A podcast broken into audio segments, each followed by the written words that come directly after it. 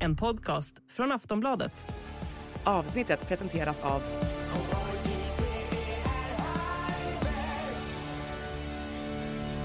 Stödlinjen.se, åldersgräns 18 år.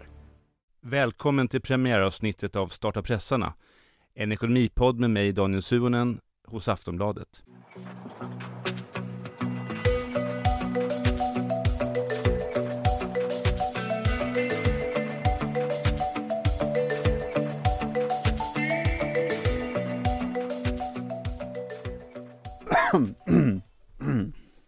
Det kommer bli kul. Det är, bara, det är ju första avsnittet, det får ju bli lite, nu kör vi.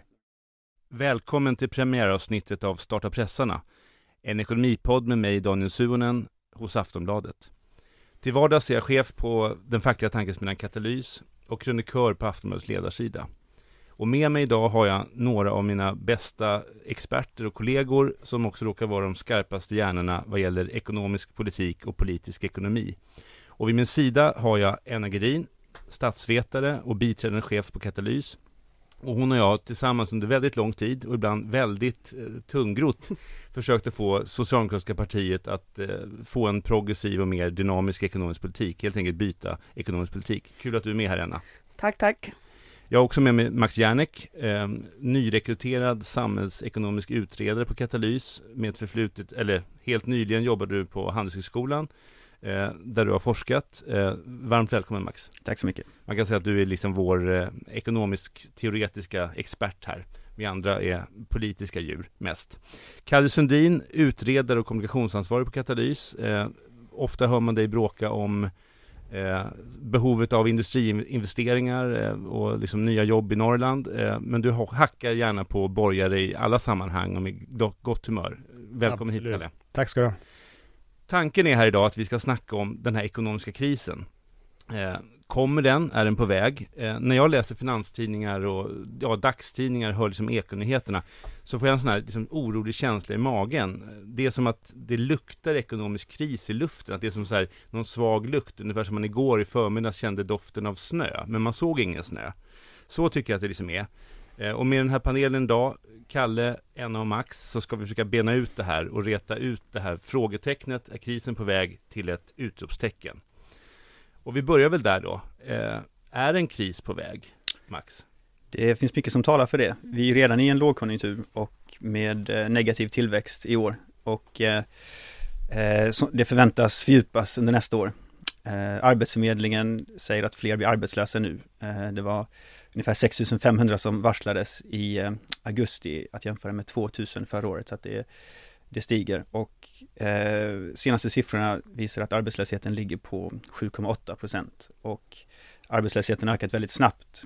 Eh, det finns en tumregel som säger att om arbetslösheten ökar med mer än en halv procent eh, under ett år så eh, är det en eh, recession på gång. Då, eh, då kommer det inte stanna där utan när arbetslösheten väl börjar öka så blir det självförstärkande och därför så kan vi vänta oss att eh, nästa år blir värre. Konjunkturinstitutet beräknar att arbetslösheten kommer stiga till 8,3 procent nästa år. Konkurserna ökar också och framförallt gäller det, ursäkta, eh, byggbranschen eh, har helt stannat av nästan och det är många byggföretag som har hållit fast vid sina arbetare och väntar på att konjunkturen ska vända uppåt och om, om den inte gör det så kommer de börja avskeda folk och då, då har vi en eh, riktigt allvarlig kris i rullning. Så att det, det blinkar rött skulle jag säga. Det låter som vi håller på att köra in i en bergvägg. Eh, någon annan? Kalle?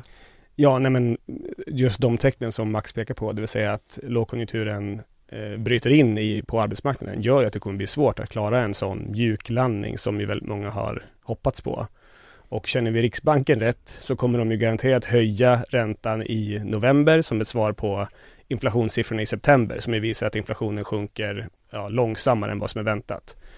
Det är lite som att svensk ekonomi är gisslan i eh, en arga leken mellan å ena sidan Riksbanken som höjer räntan och å ena sidan medelklassen som har en fortsatt köpkraft. Ehm, och det riskerar ju att drabba eh, ekonomin i sin helhet. Alltså, dels har vi grupper som aldrig fick någon mjuklandning, som har vänt på varenda krona under lång tid för att klara kostnadsökningarna. Men sen har vi också de här sektorerna som Max nämner, alltså byggbranschen, fastighetsbranschen som ju står vid ruinens brant, som inte klarar fler räntehöjningar och, som, och, och kraschar den sektorn så kraschar, he, kraschar hela ekonomin. Så det är som en sån arga leken och varken Riksbanken eller medelklassen blinkar eller, eller, eller viker ner sig. Eh, jag, eh, min tjej är ju en sån person som brukar springa på eh, utsäljningsreor eh, på fina märkesbutiker och eh, det här var hon på nu i veckan eh, och eh, ja, då går man upp svintidigt och så åker man in till eh, stan och Östermalm Eh, och så går man runt på de här fancy butikerna. Eh, och hennes rapport var att det är fortfarande lika mycket folk, alltså det är fullknökat på de här butikerna eh, som det alltid brukar vara. Det kanske i och för sig är en dålig indikator eftersom att det är en utförsäljningsrea, men, men ändå, det visar ju att, att medelklassen viker inte ner sig. Den fortsätter och då kommer Riksbanken svara med räntehöjningar. Det var ju många som trodde att alltså sommarens konsumtionsrace, alltså när man är på semester, man gör olika nöjen, det var liksom medelklassens eh, sista dans på ett tag. Men det visar sig att den fortsätter konsumera. Och eftersom att Riksbanken tror då att, eller det är ju det enda vapen Riksbanken har, det vill säga räntehöjningar. Eh, men det verkar vara som att det, eh, vi vet ju att det är inte den, den drivande, den stora drivande kraften bakom inflationen, är inte köpkraften hos medelklassen. Men det är det enda vapnet Riksbanken har och den håller på att dra med sig hela ekonomin i det. Så ja. tyvärr så är det ju väldigt dystert. Så att liksom Riksbanken försöker trycka till eh, medelklassens eh, köpkraft, men jag menar du har de under medelklassen som, som eh, får verkligen lida rejält nu och har gjort det under en längre tid. Jag tänker om man pratar om en ekonomisk kris så, så finns det ju redan stora segment, de med lägst inkomster eh, som, som har ju verkligen känt av krisen nu under en längre tid, vars köpkraft har typ kollapsat. Eh, och de får ju inte lika mycket liksom, utrymme alls i, i medier eller eh, i den offentliga debatten. Eh, jag tänker de som är på försörjningsstöd, personer som är på sjuk och aktivitetsersättning eller de hundratusentals liksom, pensionärer som vi har med väldigt låga pensioner. För dem är ju liksom den ekonomiska krisen redan ett faktum och Stadsmissionen larmade nyligen eh, att, att de inte sedan 90-talskrisen har haft en sån här, liksom, sånt här fokus på akutstöd som de har nu. Och att i princip alltså 72 procent av deras insatser idag, Stadsmissionens, eh, handlar om matstöd. Och eh, jag läste också någonstans att Folksam rapporterade om, om att eh, eh, om när det kommer till ny, ny, nya pensionärer, att eh, efter att de har betalat boende och hushållskostnader så har eh, en genomsnittlig liksom, nybliven pensionär 107 kronor kvar om dagen eh, resten av månaden eh, att klara sig på. Så att eh, de här grupperna, eh, de är ju helt enkelt, eh, liksom, den här inflationskrisen är redan en ekonomisk katastrof för dem, tänker jag. Det är som att liksom för vissa var kris i 30 år och nu liksom kommer nu kommer inlandsisen liksom ovanpå. Nej, men jag liksom läste en artikel i Svenska Dagbladet eh, om en Magnus eh, Östergren som har 4 000 spänn att leva på när hyran är betald. Liksom. Och eh, han berättade att han vågar inte längre berätta för anhöriga och bekanta och sådär vad han äter för någonting för att det är så skämmigt liksom. Och när det liksom är lördag eller fest, typ någon fyller år, då firar han med fiskpinnar och potatismos. Och man liksom, det är som man vrider om en kniv in. Man känner, vad fan är det här för jävla samhälle liksom? Eh, så sammanfattningsvis här på er liksom runda här så är det liksom att på Östermalm så flockas liksom den, ränte, den räntetyngda medelklassen liksom eh, vid klädköerna vid Filippa K. Nej men så här, för man måste ju ändå hålla stilen liksom så länge man kan.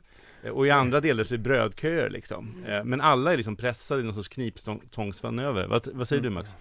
Jo men så är det ju. Eh, och en anledning till att, till att krisen ännu inte har brutit ut och slagit igenom fullskaligt är att, att eh, företagen har kunnat vältra över sina ökade kostnader på konsumenterna och konsumenterna har haft besparingar kvar som de har använt eh, och levt på. Eh, och, men någonstans finns det ju en gräns för hur länge det kan pågå så att vi får se hur länge det varar. Jag tänker liksom att det är lite som jag får någon bild i huvudet, liksom att det är nästan som så här strypsex liksom. Eh, Riksbanken står med ett snöre eh, och så står regeringen liksom i andra änden och de tittar inte på varandra för det är de förbjudna att göra. De pratar inte med varandra utan de bara drar. Och så hör man liksom långsamt hur liksom nacken knakar liksom på, på medborgarna liksom. Och man hoppas liksom att eh, liksom hopp, alltså grejen med det här, det, det är liksom, de drar så länge de kan men sen är ju liksom vitsen att det är bra om patienten överlever liksom mm. behandlingen när de är klara här. Eh, och jag tror svenska folket hade behövt ett stoppord mot den här liksom, åtstramningspolitiken. Ja. Nu är chockad jag är här. Vad är det stoppordet då? Daniel? Stoppordet är nyval.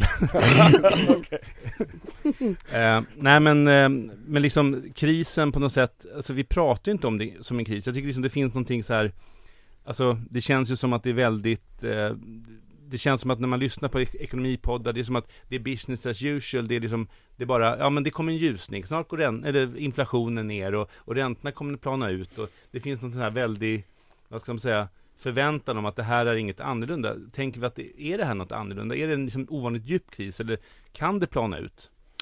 Det är ju en ekonomisk vinter som finansministern själv har beskrivit det. Eh, och vi är ju pressade från två håll, dels från inflationen och dels från de höga räntorna som man använder för att försöka bekämpa inflationen. Eh, och dessutom så har regeringen inte någon, någon direkt krispolitik, eh, utan de väljer att hålla tillbaka. Så att eh, det är svårt att se att det kommer bli något annat än en, än en djup lågkonjunktur av detta. Alltså när man tänker så här, nu pratar vi liksom, låter vi som eh, ropa på vargen här, fan, eh, liksom Armageddon, vintern kommer här. Men finns det något som talar emot det? Vi har varit inne på det att folk har haft besparingar och man har haft pengar i ladorna, kanske från corona när man inte konsumerade någonting. Vad talar emot att det blir en, en allvarlig recession och kris? Ja, alltså det känns alltid som det finns de här liksom optimisterna. Alltså det finns pessimisterna och så kommer de här optimisterna och liksom ska peka på, på um, att, det kom, att det inte kommer bli så här illa eller att det snart kommer Mm. vända eller att det har varit ändå en stor motståndskraft och att folk har sagt att det kommer bli kris, det kommer bli kris, men den kommer aldrig. Vad finns det liksom för indikatorer för deras argument, tänker jag? Eh, ja, ehm, jag försökte komma på lite. Man kan ju säga att ränteavdraget gör ändå att, att eh, den här smällen dämpas lite. Att man får 30% tillbaka där. Eh, sen så går ekonomin ganska bra i USA. De har faktiskt en starkare ekonomi nu än vad man trodde att de skulle ha 2019 innan pandemin. Så de har verkligen hoppat över den här lågkonjunkturen. Men det ser ganska dystert ut i Europa. Så frågan är om inte det kommer ha större påverkan på Sverige än, än USA. Mm. Vad tänker ni andra? Vad tror du Kalle? Ja, nej men det, alltså Konjunkturinstitutet har ju varit eh, ganska optimistiskt om man ska prata om de optimisterna. Eh, men eh, alltså det, det är ju, jag tror att det har mycket att göra med de här smärtpunkterna. Klarar fastighets och byggbranschen eh, räntehöjningar som kommer om, det, om, om då köpkraften fortfarande är stark hos medelklassen och så vidare. Det är ju, det är de Eh, det är ju där det kan brisera ordentligt. Eh, alltså vi, kom, vi kommer ju få en lågkonjunktur, absolut. Och när då till slut medelklassen knäcks, så att säga, i sin köpkraft, så kommer ju, som ni, som vi varit inne på, så, så sipprar det ut i hela ekonomin. Skiten rinner vidare liksom. Det är ju, om, om eh, medelklassen slutar eh, slutar konsumera, slutar gå på restaurang, slutar eh, resa, ja då kommer det innebära arbetslöshet i de branscher där det, där det då sker. Mm. Så att vi, att vi kommer få en lågkonjunktur är det väl ingen som, eh, som säger någonting annat, men däremot så hur djup den blir, det beror på de här smärtpunkterna klara byggbranschen här? Och då är, och då är vi kommer ju komma in på det kanske, men det är ju vad, vad blir det finanspolitiska svaret? Det kan ju vara helt avgörande för om vi får en, en djup och långvarig lågkonjunktur eller om vi kan komma ur den relativt, snabbt. Då. Alltså, jag har också lite svårt för de här optimisterna som på något sätt tror att eh, allt kommer studsa tillbaka och bli liksom så att säga normalt eller som förut. Eh, och, och vissa menar ju att redan nästa år så kommer liksom Riksbanken börja kraftigt sänka räntan, även om de säger själva att de inte kommer göra det. Eh, och de de tror liksom att ja, nästa år är vi nere på 2% inflation och då liksom det enda jag tänker då är men ser folk inte vad som händer liksom ute i världen just nu? Det är som att man frikopplar eh, liksom den, den geopolitiska liksom egentligen chockerna vi ser runt omkring oss från ekonomin och det går liksom inte att göra. Eh, vi, vi, har ju gått in i en väldigt liksom instabil tid. Eh, det är som att de här geopolitiska balanserna, om man kollar ut över världen, är i gungning och man ser hur liksom aktör efter aktör väljer att på liksom olika sätt bryta status quo. Eh, Rysslands invasion skakade ju om allt och liksom kriget i Ukraina kommer inte vara slut nästa år, det, så ser det i alla fall inte ut. Snarare blir det ett långt krig. Eh, hur påverkar det ekonomin? Vi såg hur liksom Azerbajdzjan nyligen tog tillfället i akt i och med det här nya läget eh, och ingen gjorde liksom någonting åt det. Och vad ger det för signaler till andra som vill passa på i det här läget? Och nu senast eh, Hamas också attack på Israel eh, som var liksom på en helt ny chockerande nivå i, i den här ändå långa konflikten mellan, mellan Israel och Palestina. Och liksom konsekvenserna av det kriget som nu pågår kan ju bli ekonomiskt katastrofala. De är redan mänskligt liksom katastrofala men risken att det här blir ett storkrig och att fler länder eh, dras med i detta är ju eh, reella. Så att, då har man oljepriserna och ja. gaspriserna och så vidare. Det alltså, har ju alltså, redan stigit upp här liksom. Mm. Mm. Exakt, du har, i Ukraina har du liksom livsmedelsproduktionen som slog hårt. I Mellanöstern är det oljan och liksom gasen och, och, och sen har man också oroligheten, kommer Kina passa på nu liksom eh, eh att eh, försöka ta kontroll över Taiwan, där har du också halvledarna. Alltså det finns otroliga, alltså det finns helt enkelt en risk för många fler eh, allvarliga geopolitiska chocker som kommer liksom påverka hela världsekonomin. Eh, så att jag, alltså det, det är kanske den en av de stora anledningarna till varför jag inte ser att, att räntan helt plötsligt skulle tryckas ner till 2% Just för att, eh, som Kalle sa, eh, det är ju inte köpkraften eh, som de försöker knäcka här som har eh, liksom orsakat räntan, utan det är, det är liksom importerat, det var postpandemiskt, det var eh, Ukraina-kriget, eh, de här flaskhalsarna, energipriserna, så alltså om vi får en riktigt kall vinter i, eh, i Europa nu, Eh, vad kommer hända med energipriserna? Vad kommer hända med inflationen? Så det är saker som inte liksom Riksbanken har egentligen eh, kontroll över. Mm. Ja, och eh, det har också varit det, det varmaste året någonsin nu eh, och det påverkar ju livsmedelsproduktionen. Det har varit eh, eh missväxt på många håll i världen, eh, från Argentina till Ukraina till eh, olika delar av världen. Så att det påverkar ju också inflationen om livsmedelspriserna går upp och vi har ju märkt att Riksbanken inte bryr sig om varifrån prischockerna kommer, utan de höjer bara räntan automatiskt om, om inflationen skulle stiga. Så att det finns absolut en risk att eh, även om den här inflationschocken från pandemin nu håller på att, att gå ner överallt så kan det mycket väl komma nya från just krig eller klimathotet. Så att det får man alltid vara beredd på. Och, och då är det liksom så här på något sätt att Riksbanken har liksom bara ett redskap i stort sett. De har en stor hammare som de kan krossa liksom. De ska slå sönder tillväxt och, och liksom sysselsättning. Och, och då blir, när man då inflationen i huvudsak beror på saker vi importerar, världsläget som Enna och Max är inne på, då slår man liksom sönder inhemsk välfärd och arbetstillfällen och liksom livskvalitet för människor för att straffa dem för att Ryssland har gjort ett, ett, krig som gör att gaspriser, oljepriser och matpriser stiger. Och sen har man dessutom då en situation med handlare som ICA-handlare och så som, som skär emellan på ett ganska skamligt sätt, vilket ju flera varit inne på tidigare. Alltså, men man straffar bara enskilda hushåll och eh, liksom, ni ska bli arbetslösa för att Putin har startat ett krig. Det är, något, det är hål i huvudet på något sätt tycker jag. Ja, och precis, det, och däremot skulle man kunna göra liksom andra saker, det kanske vi kan gå in på, vad man då borde göra och vad man gör från politiskt håll. Just för att eh, penningpolitiken är så begränsad och har så liksom, få verktyg eh, och som har just nu kanske inte verktyg som, som attackerar det som orsakar inflationen överhuvudtaget. Eh, så då är frågan, vilka andra verktyg har vi för att lösa det här? Mm. Ehm, framförallt så är det ju energipriserna som är den stora boven här och eh, det bästa vore ju om man investerade mer i ny energiproduktion och energieffektivisering, utbyggda, utbyggt eh, elnät och så vidare. Eh, men det, allt sånt blir svårare om räntorna går upp. Det blir svårare att finansiera ny vindkraft om räntorna är höga. Så att det kommer ju skapa problem längre fram det här. Mm. Alltså regeringen då, vi har ju en regering i Sverige, vi kanske har glömt det. Eh, hon heter Elisabeth Svantesson, eller Svältesson som vi kallar henne här. Eh, eh, vad gör hon? Vad är liksom regeringens åtgärder? Eller om man vänder på det, gör regeringen någonting rätt just nu? För vi är ju liksom lite kritiska här från vår flank. Eh, om man ska vara generös så, så är det ett svårt läge eh, och det är inte ofta man har både lågkonjunktur och inflation på samma gång. Eh, det var kanske 70-talet eller möjligtvis början av 90-talet precis när man hade det och det gör att man kan bli lite handlingsförlamad om man, om man tror att inflation bara kan bekämpas genom åtstramningar som de tror, eller låtsas tro åtminstone, så eh, är det lätt att man då väljer en väldigt stram finanspolitik som de har gjort. Eh, sen så rimmar inte riktigt retoriken med det de gör, för de sänker ju skatterna samtidigt också. Men så man kan säga att skattesänkningarna, det är i alla fall någon sorts stimulans till ekonomin. Eh, kanske den bästa man kan hoppas på med en borgerlig regering. Så att om man ska vara snäll så, så sänker de åtminstone skatterna. Ja, nej men det är väldigt svårt att hitta ljuspunkter. Ehm, men om man, om man verkligen anstränger sig så, så tycker i alla fall jag då att det här att man inte har slaktat a-kassan.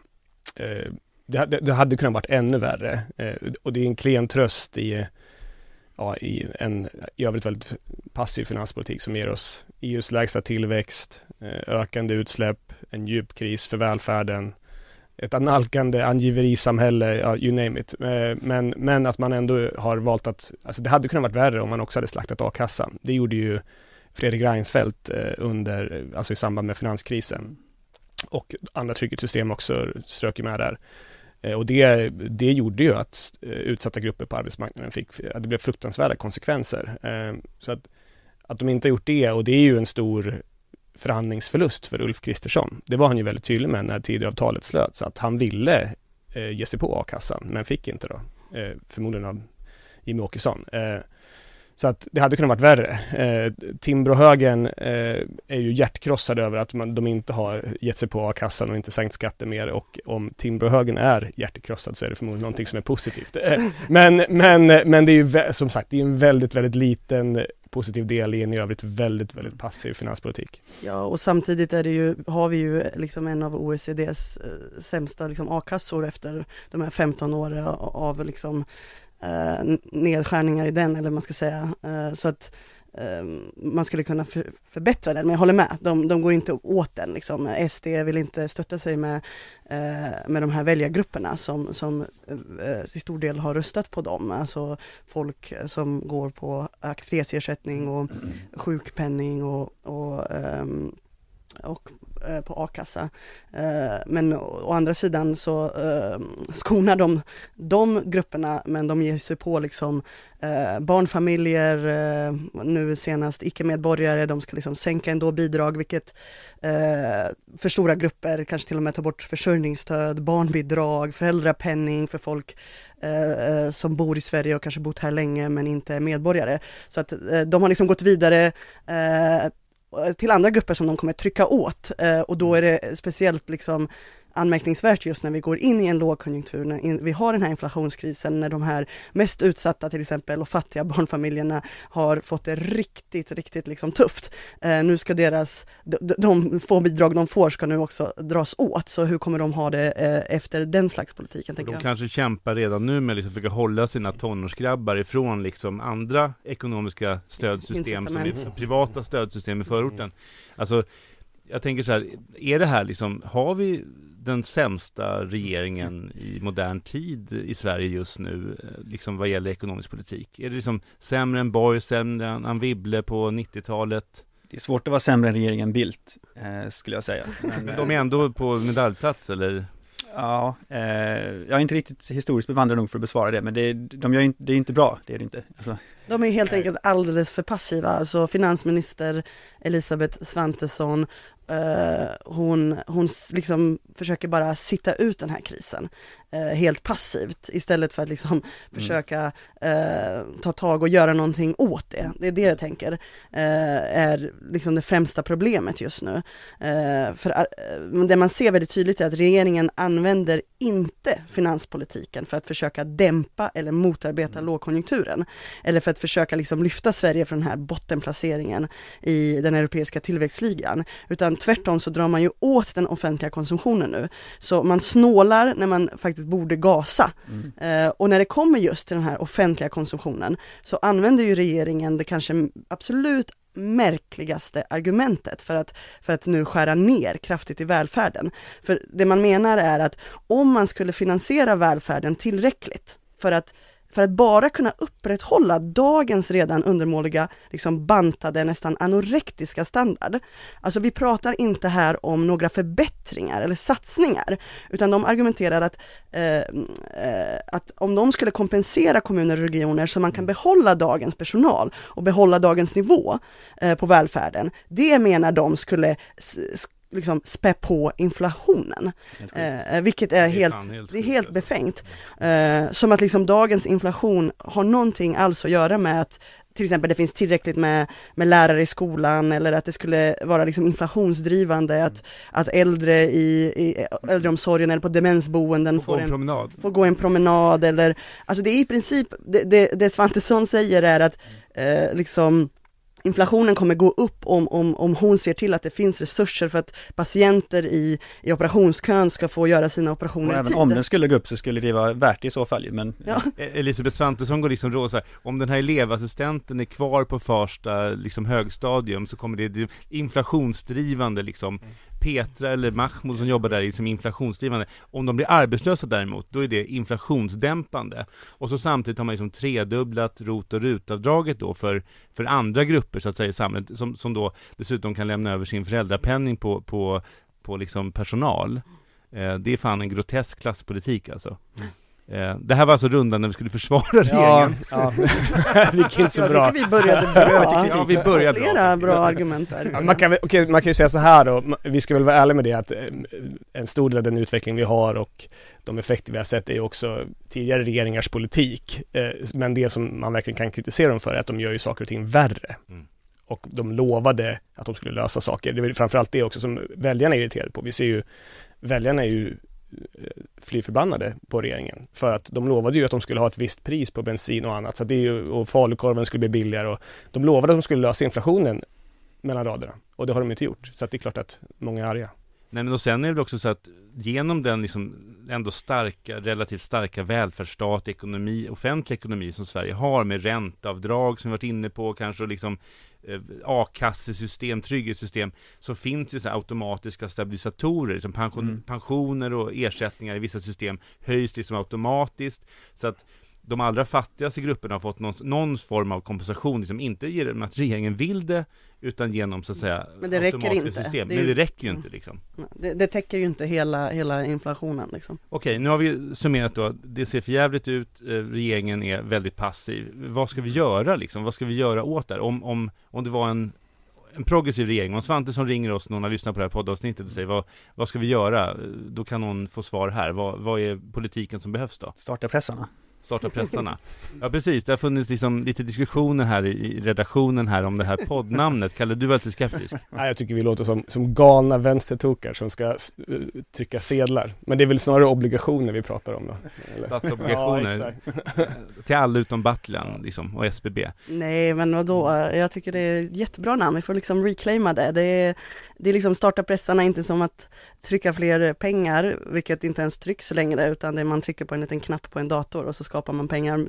Utan det ju, handlar ju mer om liksom starta pressarna som i eh, tum ladorna liksom, börja investera, sätt Mm. folk i arbete, liksom. aktivera den där finanspolitiken, Något gör kraft. någonting för fan. Gör någonting för fan. Alltså, sätt igång, sätt igång. Det är det som behövs. Och, och även om man, om man skulle tycka att inflationen bekämpas bäst genom åtstramningar, när, även när den är en sån här utbudsdriven inflation, eh, så är det någonting som är i backspegeln. Den är på väg ner. Den, har, den är på väg ner eh, över hela världen så har inflationen följt ungefär samma kurva. Så att det är ganska uppenbart att den är utbudsdriven. Eh, och nu är den på väg ner. Och eh, höstbudgeten, den kommer ju gälla, det är ju för, för nästa år som den blir aktuell. Så att eh, att man har en riktigt stram budget nu gör ju att, att det kommer bli väldigt eh, fattigt nästa år. Så att eh, jag hoppas verkligen att de har en expansiv vårbudget, för annars kommer det verkligen bli en djup kris av det här.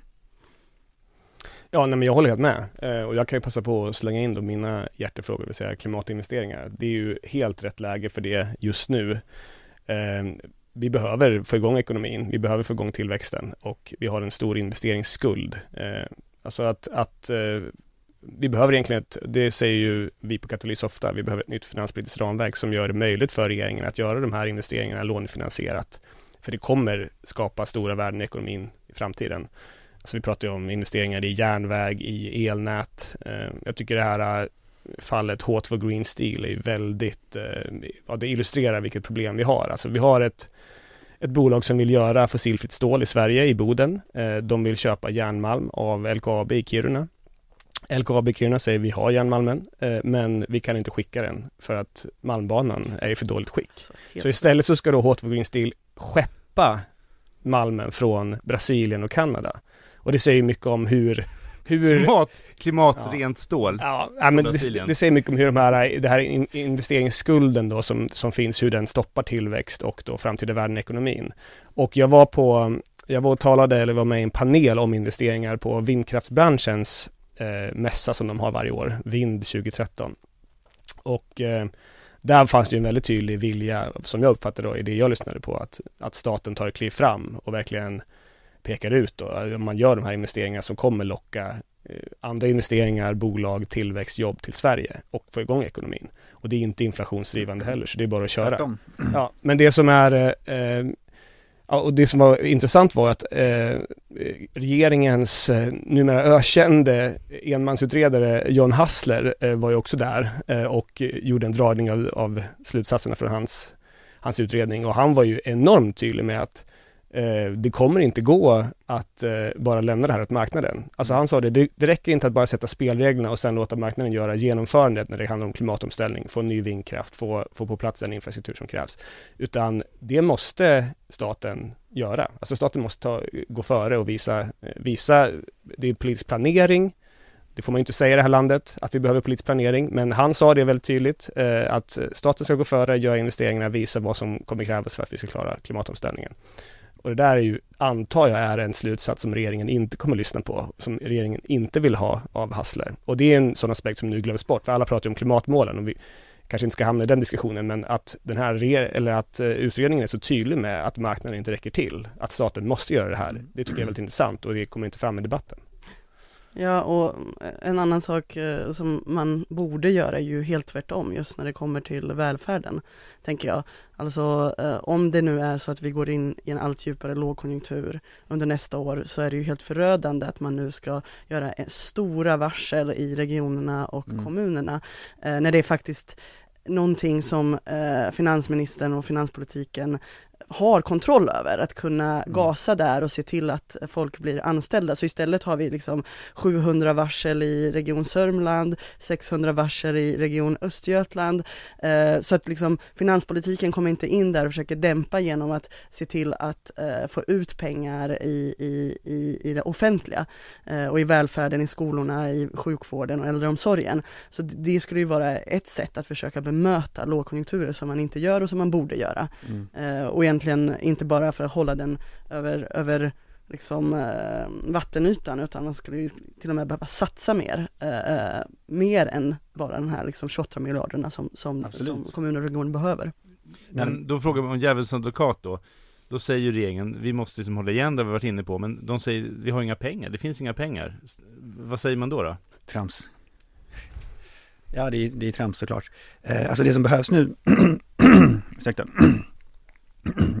när den privata köpkraften minskar så måste ju staten gå in eh, för att bibehålla samma nivå av aktivitet i ekonomin, bibehålla samma nivå av sysselsättning så måste ju någon annan då ersätta den köpkraften som försvinner. Så att om hushållen minskar sitt, eh, sina inköp, om eh, utlandet köper mindre av svenska varor, då finns det bara en aktör kvar som, som kan gå in och det är ju staten som måste göra det.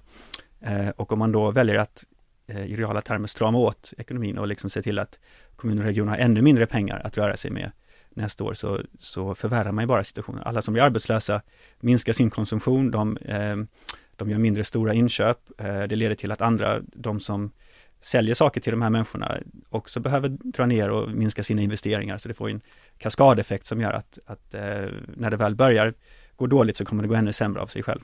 Och pengar finns ju, alltså kolla på vår eh, statsskuld, finns den ens liksom?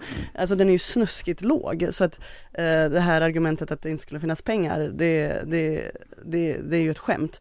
Eh, och, och, samma sak med, förutom att man faktiskt kan eh, öka statsskulden, man kan göra låneinvesteringar, eh, man kan också höja skatter, vilket också på ett sätt är inflationsdämpande.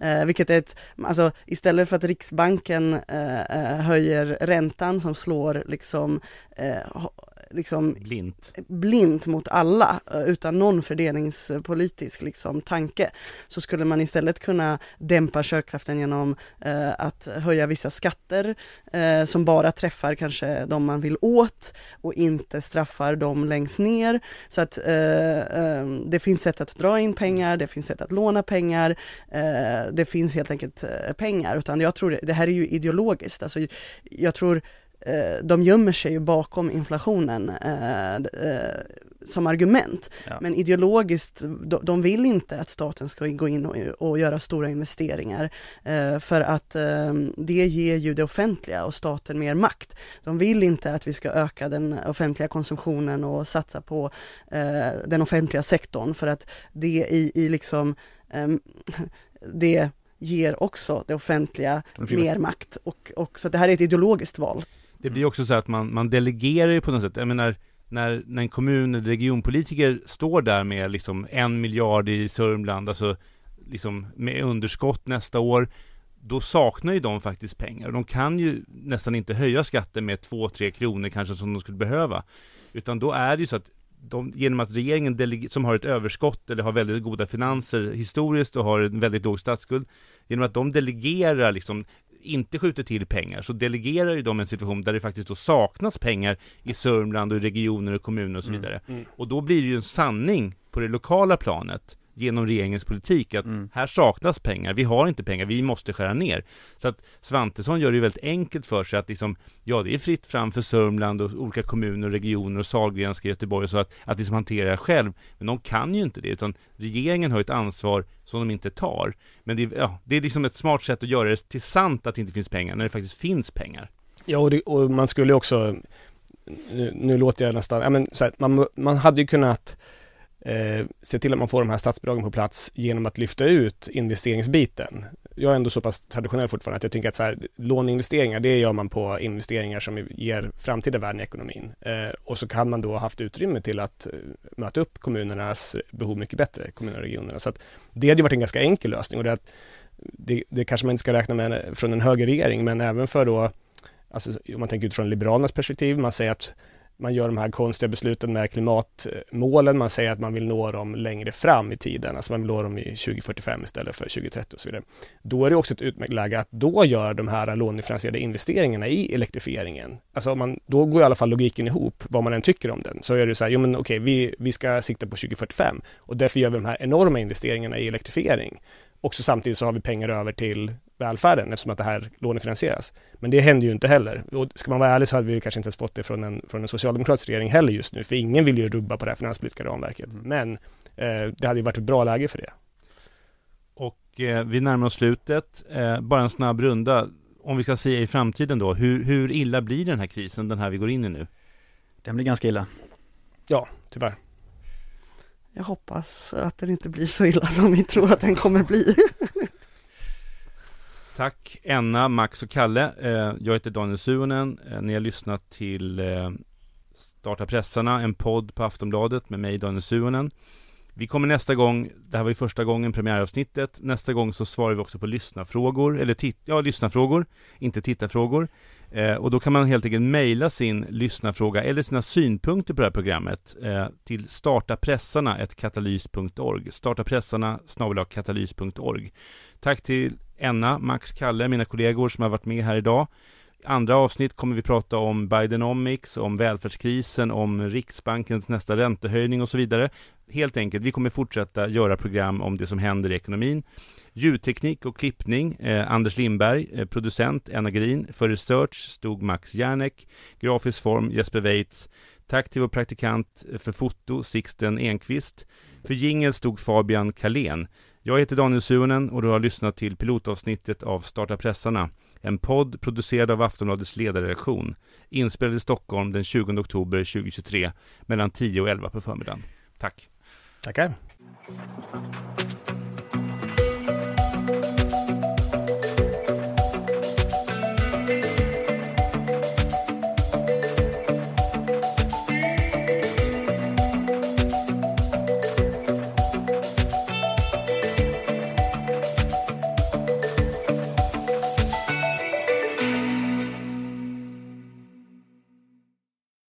Du har lyssnat på en podcast från Aftonbladet.